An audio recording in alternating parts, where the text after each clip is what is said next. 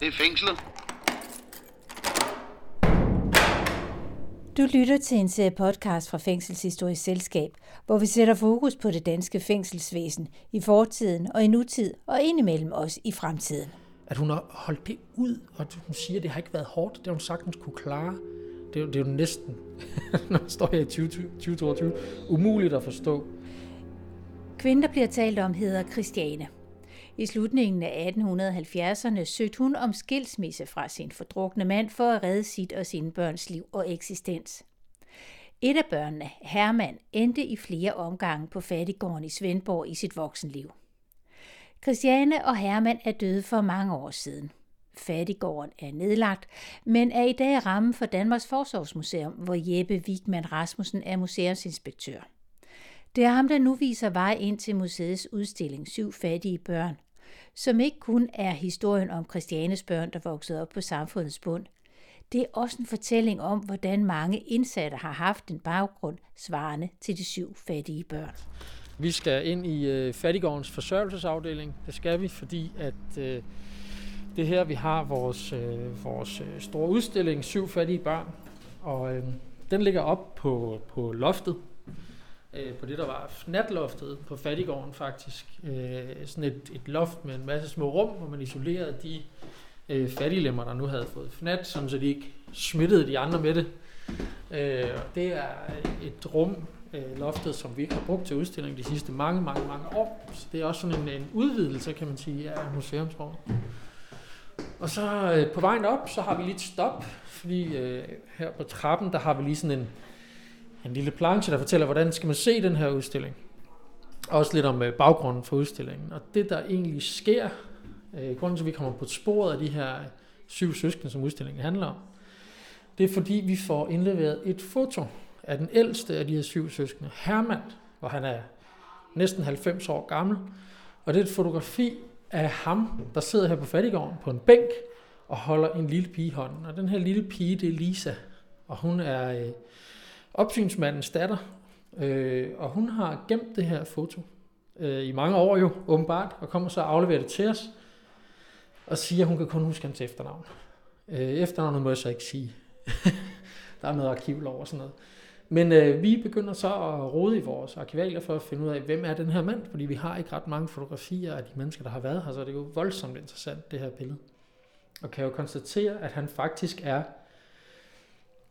nok det menneske, der har haft tilknytning til det her sted i flest år i sammenhæng, fordi han kommer her første gang som 30-årig, og han er her ind og ud af stedet i 63 år, og dør her i 1957 som 93-årig.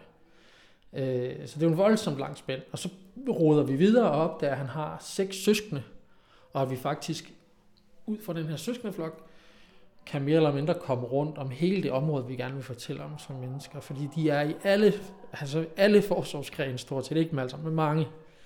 Masser af fattige forsorg, børneforsorg, øh, fængselsforsorg, altså kriminalforsorg også. Øh, så vi kan fortælle en kæmpe stor historie om, øh, om under Danmark, ud fra de her øh, syv søskende.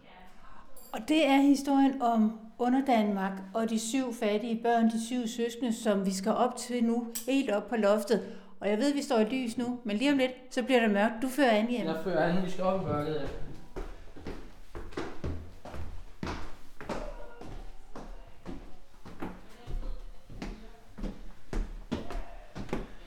Og nu hvor vi nærmer os mørket, så kan jeg lige fortælle lytterne, at der er masser af lydeffekter her. Og så er der jo heldigvis også gæster. Det er der jo, når man går på museum. Så alt det her, det skal vi ikke bære os rundt imellem i mørket. Men hvor skal vi hen, Jeppe? Vi skal lige vi skal lige have øh, i det første, første rum i udstillingen sådan et, øh, hvad hedder det, et af de her gamle isolationsrum fra, fra fattigårdens tid, da det var fnatloft. Altså, jeg skal bare lige, det, det blev vi lige sådan, så ja. helt færdigt. Har man så siddet herinde i bælragende bullermørke og... Ikke i bullermørke. Og dog ikke. dog ikke.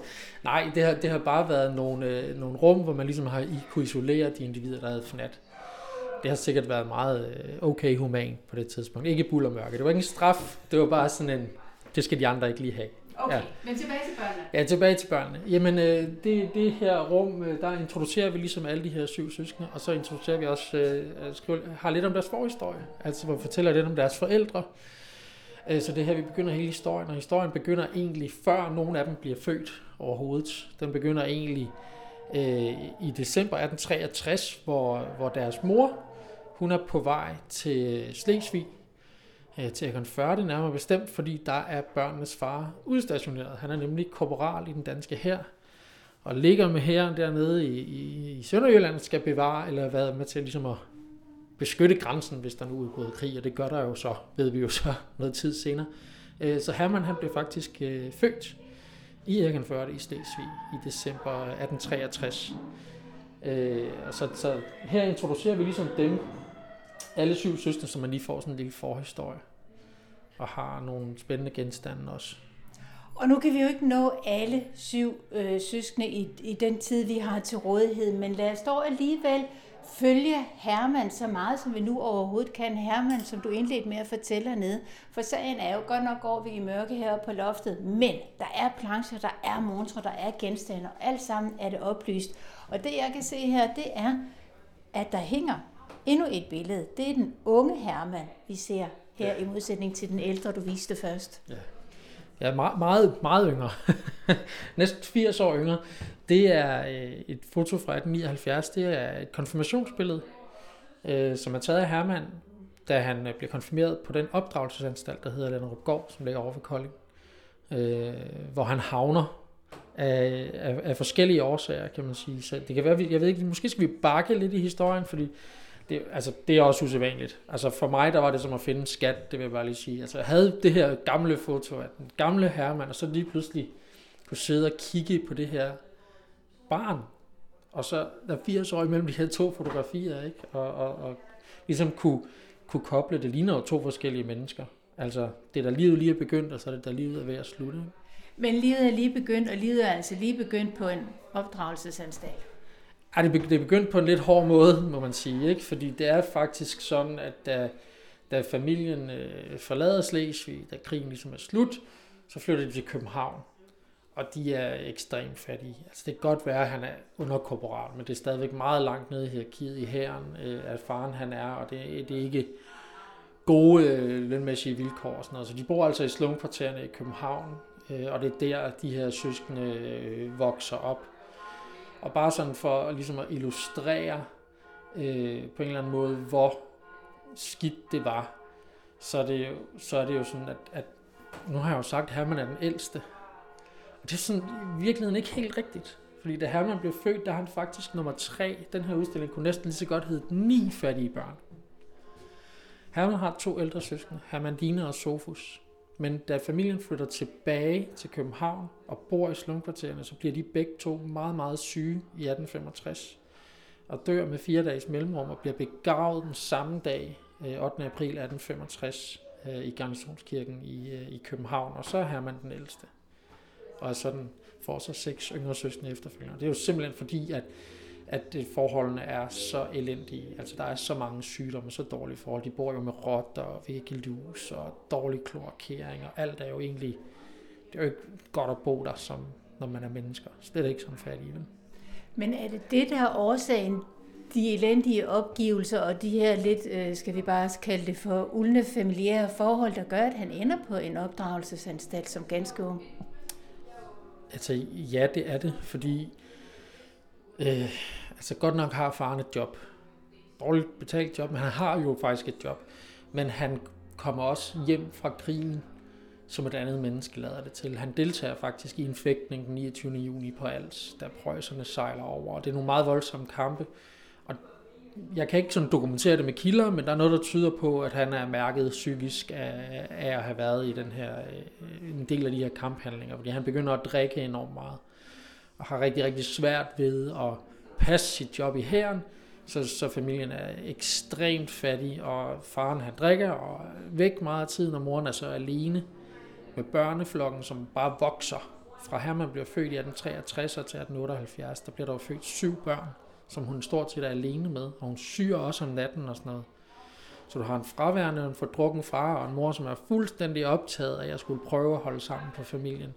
Så han er, øh, de er jo meget overladt til sig selv, de der børn, øh, naturligvis, og bor i slumkvartererne, hvor der løber masser af børn rundt, og der er masser af ballade, man kan lave, og han, han begynder at tikke fra en ret øh, ung alder, og faktisk forsøger øh, foreningen af, hvad hedder det, foreningen af 1837 til forsømte børns frelse, de forsøger faktisk at fjerne ham fra hjemmet, allerede da han er 8 år gammel, fordi han allerede er kommet galt afsted.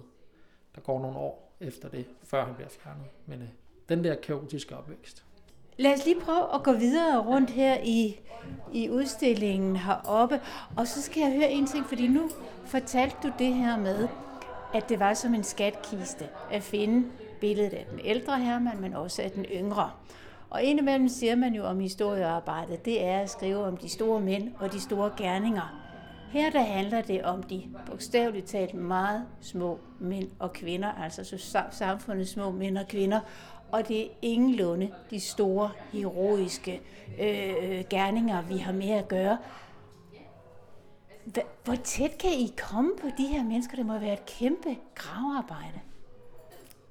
Ja, det er et kæmpe, kæmpe gravearbejde. Det, altså, øh, min kollega Martin Fris, som arbejder på vores arkiv, og jeg, vi har brugt rigtig, rigtig mange timer på, øh, på arkiv og kigge i kasser, for at prøve at stykke så meget som muligt sammen om de her mennesker, som vi kunne.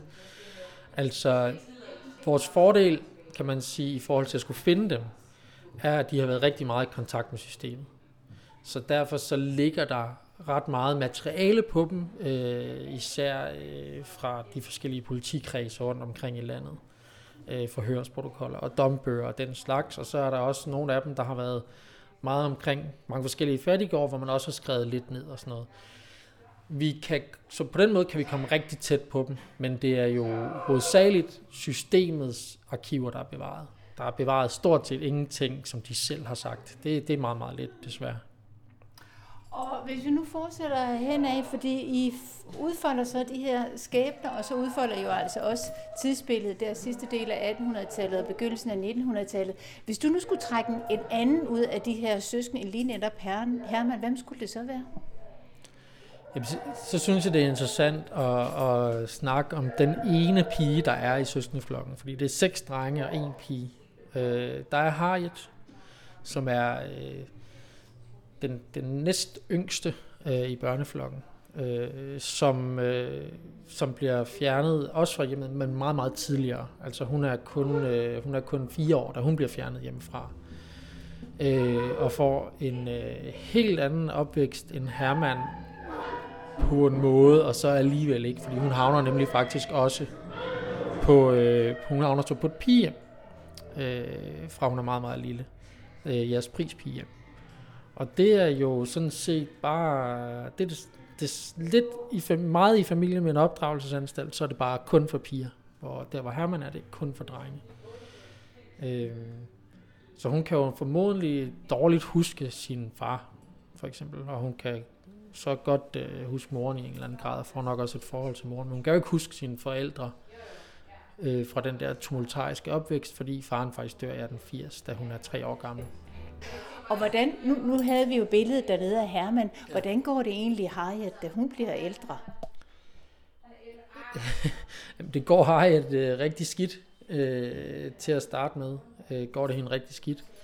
Øh, fordi hun jo er øh, 11 år på den her, øh, på den her institution, jeres pris, som jo er, er det her pigehjem, der ligger ved et stort slot, men som stadigvæk er et pigehjem, og som ikke er på slottet, bare ved siden af, kan man sige. Og da hun ligesom forlader det sted som, øh, som 16-årig, så, øh, så, så flytter hun jo faktisk til København og kommer sådan set tilbage til, til den slum, hun er blevet fjernet fra som barn. Og det går meget hurtigt rigtig galt, og hun bliver øh, gravid øh, allerede som 18-årig, og bliver også øh, prostitueret desværre i en periode, og det går rigtig skidt. Ja. Er der nogen af de her børn, der bryder den sociale arv?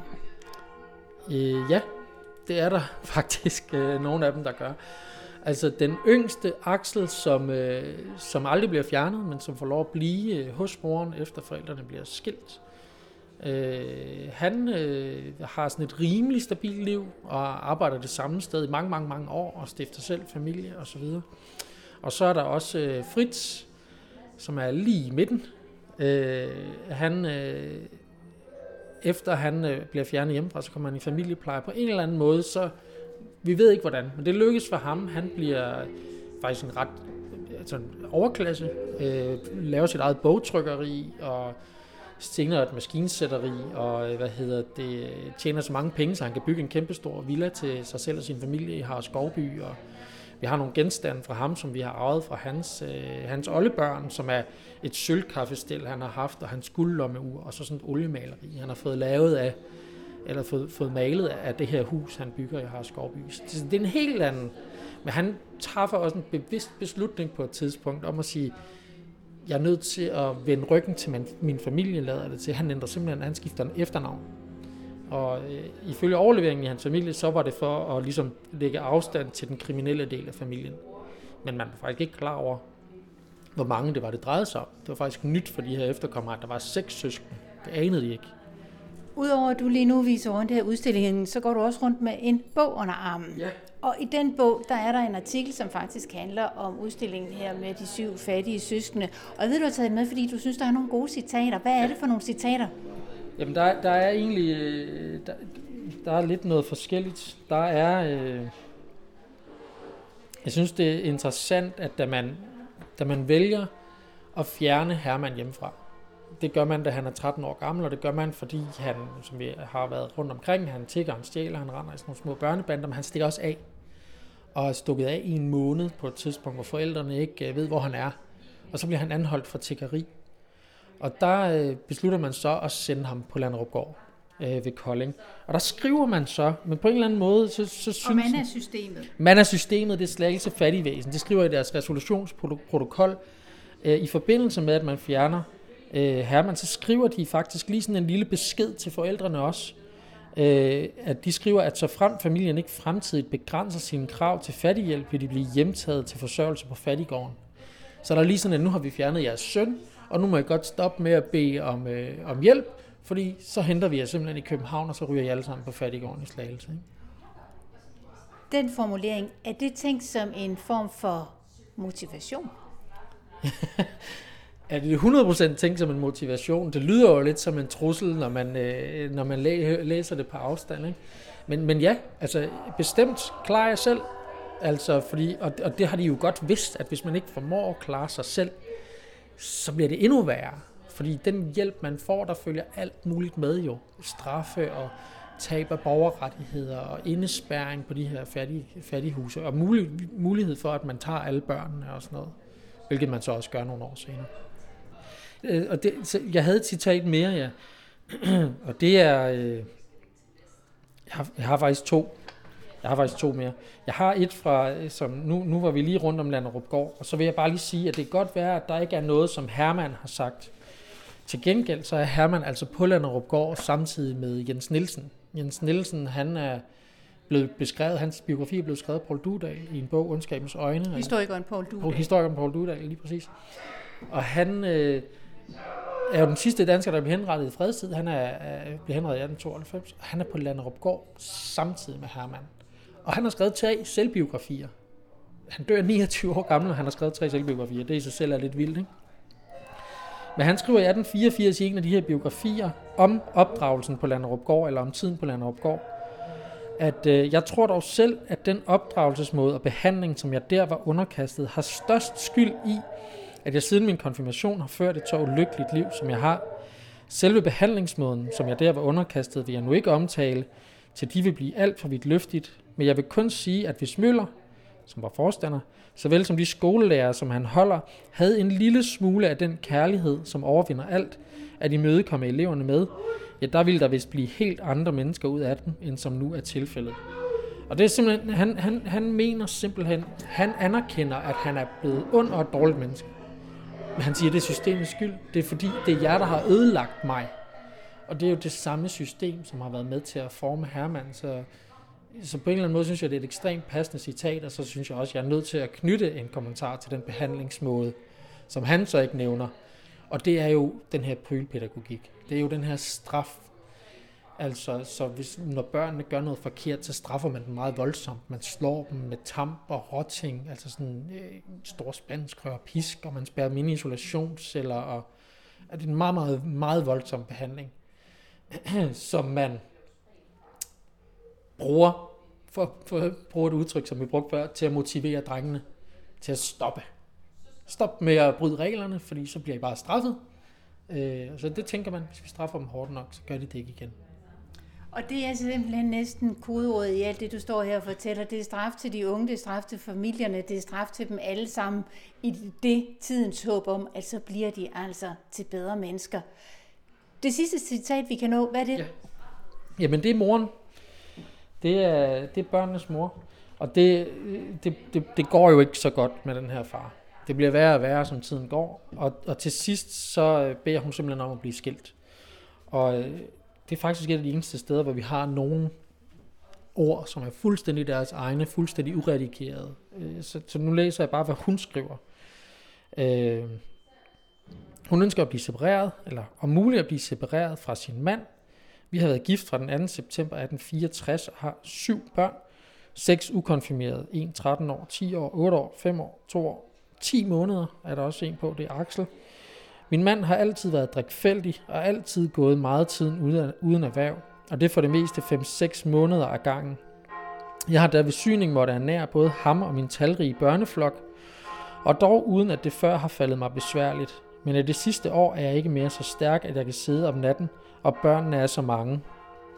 Nu i den senere tid har han blandt andet været forskrækkelig imod mig og børnene, og har slået mig og troet øh, med at ville slå både mig og børnene. Da jeg kan, når han er fuld, risikere det værste, så er jeg nu fast besluttet på at leve alene med mine børn. Det er jo, synes jeg, et ekstremt stærkt citat. Altså som fuldstændig hoved på sømmet, hvad er udfordringen i den her familie. Og jo en vanvittig stærk kvinde, må man jo også bare sige, at hun har holdt det ud, og hun siger, at det har ikke været hårdt, det har hun sagtens kunne klare. Det er, det er jo næsten, når man står her i 2022, umuligt at forstå. Og de, hun, de bliver skilt. Øh, hun, hun, hun får ligesom sit ønske opfyldt. Og så skal far jo betale børnebidrag og hustrubidrag, men så dør han allerede et år senere, og så frafalder de her ting. Og så står hun alene med de fem hjemmeboende børn, der er tilbage, og de bliver så fjernet fire ud af de fem børn, fordi hun lige pludselig ikke har økonomien til at tage sig af dem. Det er jo dybt tragisk. Og det er blandt andet, det er så der, Harriet bliver bliver ekspederet øh, videre i systemet og kommer på jeres prispige. Alt det, du her har stået og fortalt, det er jo kun et lille bitte glemt ind i alt det, igennem lyd og billeder og tekster og genstande fortæller herop under loftet på Forsorgsmuseet i Svendborg. Vi kan ikke nå at fortælle mere, men til gengæld kan man nu komme og se det hele og virkelig øh, fordybe sig i de her personhistorier. Når jeg nu om lidt går ud af døren her fra museet, hvad er det så, der er jeres ønske, at jeg er blevet klogere på, kommer til at tænke over, tage med mig herfra? Øh, men det er jo, egentlig er det nok flere ting, men hvis jeg sådan skal, skal kode det ned til én ting, så det jeg håber, at man går ud herfra med, det er øh, en følelse af, at man har været tæt på nogle mennesker, øh, som har øh, haft nogle rigtig svære betingelser i livet, og med en forståelse for, hvorfor nogen i det her samfund, vi lever i, både før og egentlig også nu i en eller anden grad, havner nogle steder, hvor man har svært ved at forstå, hvordan de havner der. Altså at man kan, kan se, at nogle gange så er der bare nogen, der er født med nogle dårligere kort på hånden end andre, og derfor så ender de med at gå nogle veje, som, øh, som er hårde, altså, og som bringer dem nogle steder hen, hvor de måske også gør nogle ting, som er forkerte. Jeg håber bare, at man forstår, at det ikke er sådan en aktiv beslutning. Nu vil jeg være kriminel, eller nu vil jeg være fattig, eller, men at man forstår, hvordan er de havnet der. Hvis du gerne vil se udstillingen om Hermann og hans søskende, syv fattige børn, så skal du til Danmarks Forsorgsmuseum i Svendborg. Det var museumsinspektør Jeppe Wigman Rasmussen, som fortalte og viste vej ind i udstillingen, som er fuld af billeder, fortællinger og lyde, som du også kunne høre undervejs. Du har lyttet til en serie podcast om det danske fængselsvæsen. Serien er produceret af Dorte Chakravarti i samarbejde med Fængselshistorisk Selskab, som du kan læse meget mere om på fængselshistorie.dk. Og der skal du huske, at ædet det skal staves som A og E. Du kan lytte til de her podcasts på Fængselshistorisk Selskabs hjemmeside, og hvor du nu ellers finder dine podcasts.